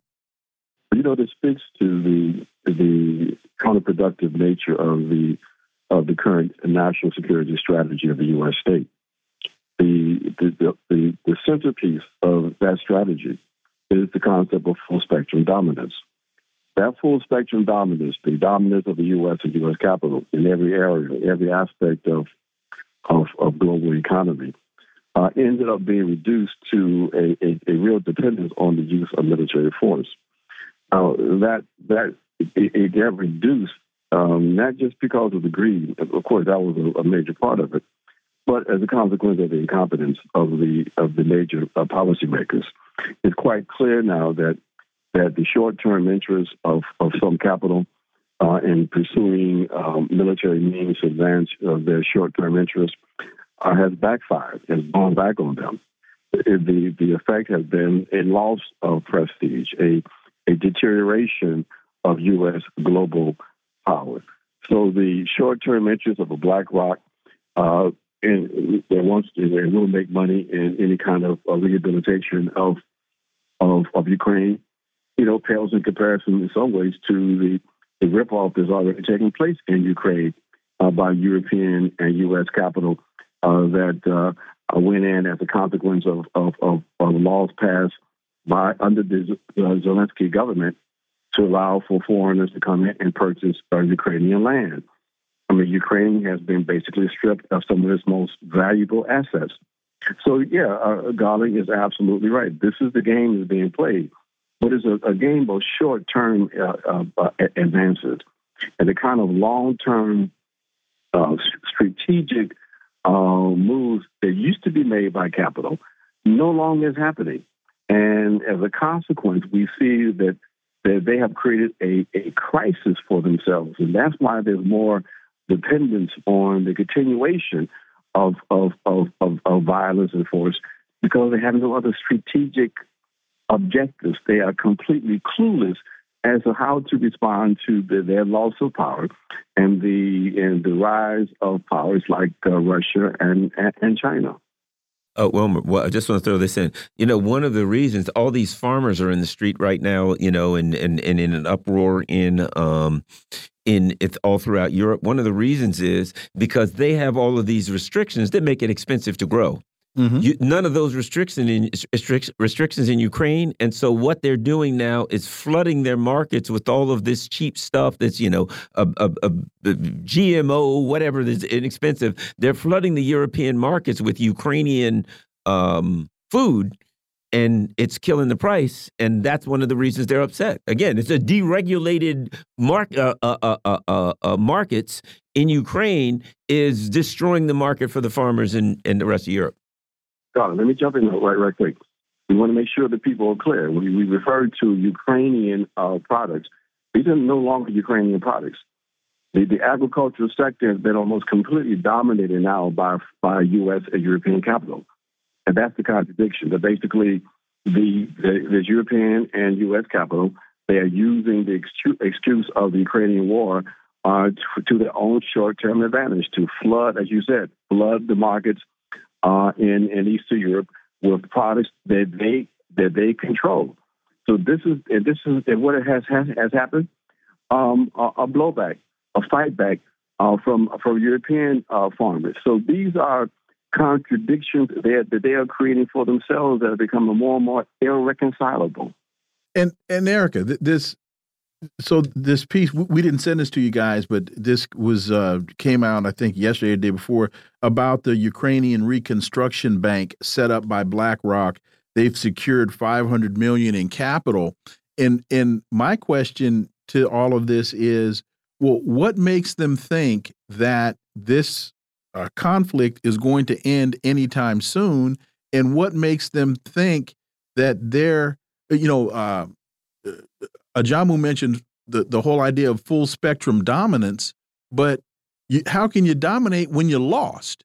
You, you, who who who is, who thinks that that President Putin is going to sit there with BlackRock and say, "Yeah, you guys come on in. We went through all of this pain and suffering so that you all can profit." Right. Um, well, yeah, I think that that's the, the situation that you, Ukraine has found itself in. But I think ultimately, I don't even think that that's a question for the West or for the U.S. I think they're concerned with continuing this war for the benefit, but I don't. I think that so long as it's privatized. I think that was ultimately the goal, uh, which is why they, you know, continue to antagonize uh, Russia into this war. But I, I, ultimately don't think that there's concern because look at the Nord Stream, right? One could argue like, what was the sense of that? um, but but as you can see, you know, there's an ultimate bigger goal here um, in terms of what or how the U.S.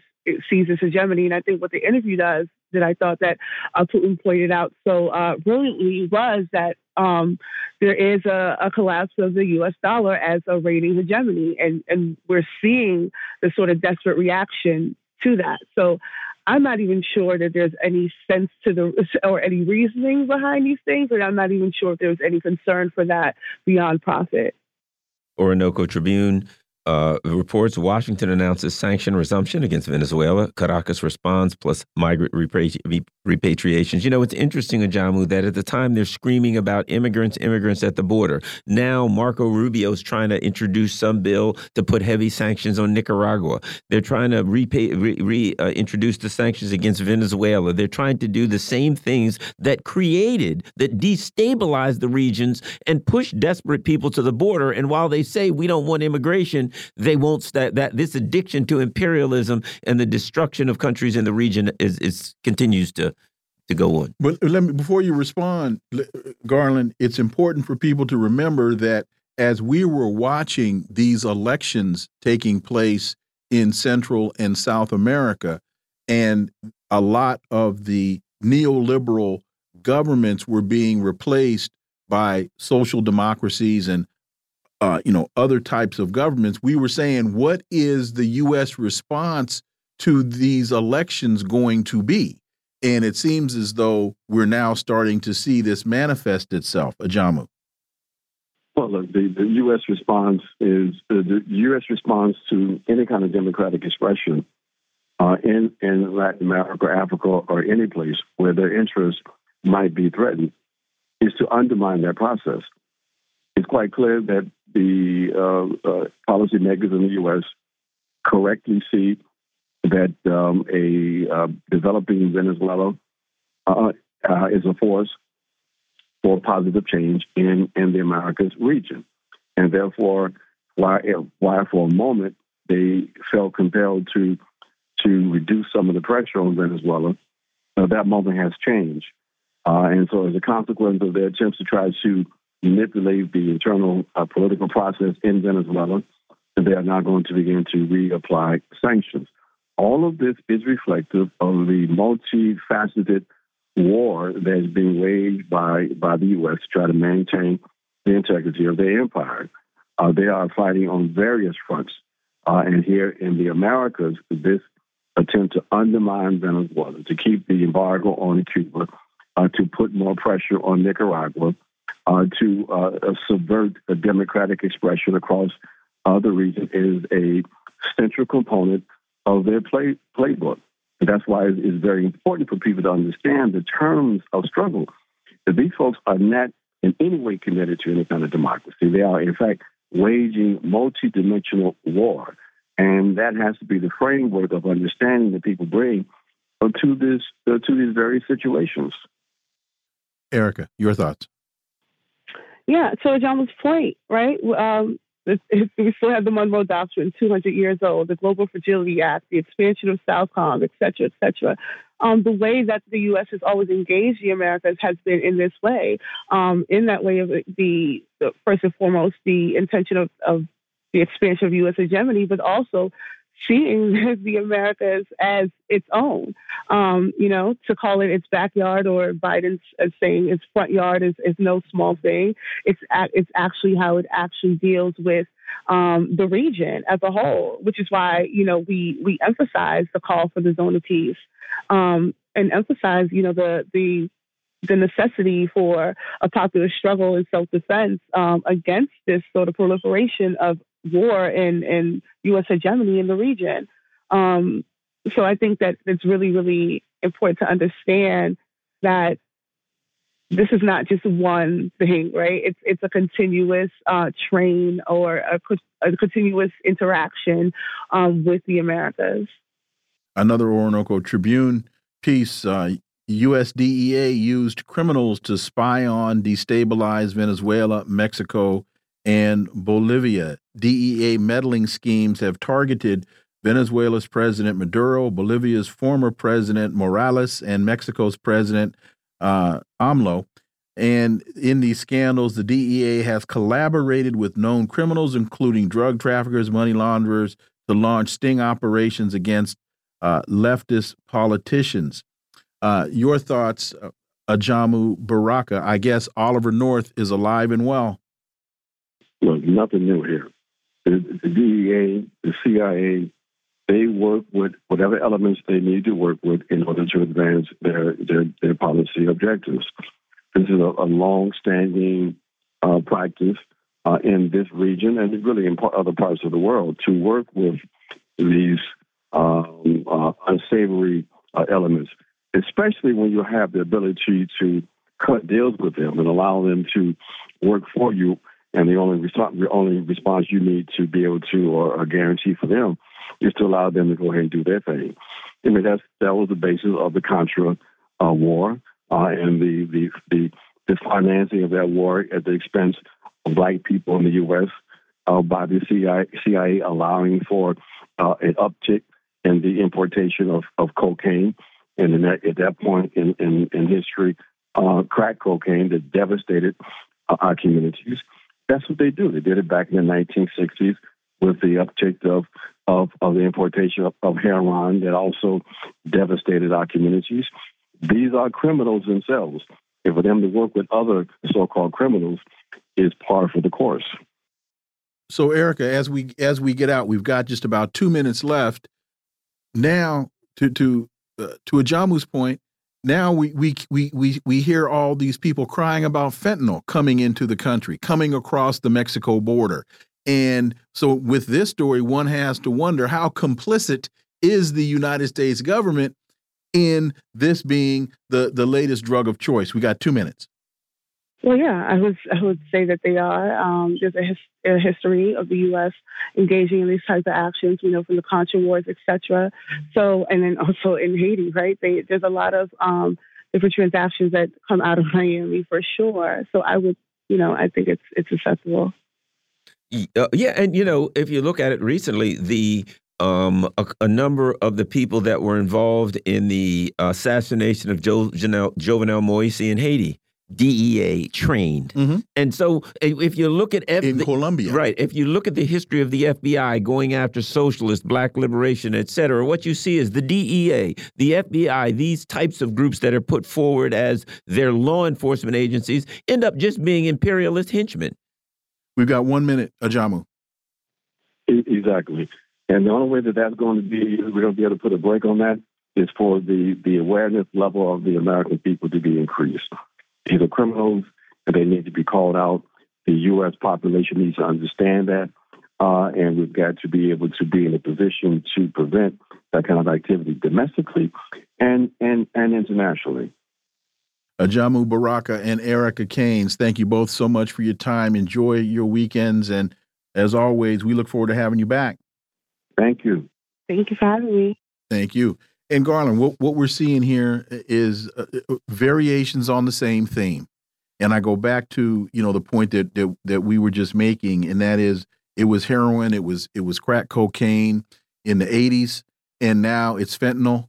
It was guns in Mexico. It, exactly. And so when you hear Lindsey Graham wringing his hands and talking about we need to invade Mexico because fentanyl is coming over the border, well, talk to the DEA about their involvement uh, with the cartels that are facilitating this influx of of uh, of death into the into the United States.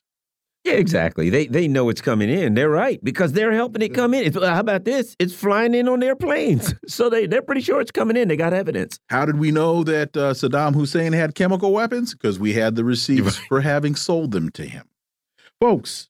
You've been listening to the Critical Hour here on Radio Sputnik. Thank you for allowing our voices into your space. On behalf of myself and my co host, Garland Nixon, we hope you were informed and enlightened, and we look forward to talking with you all right here next week on Radio Sputnik. Be safe. Peace and blessings. We're out.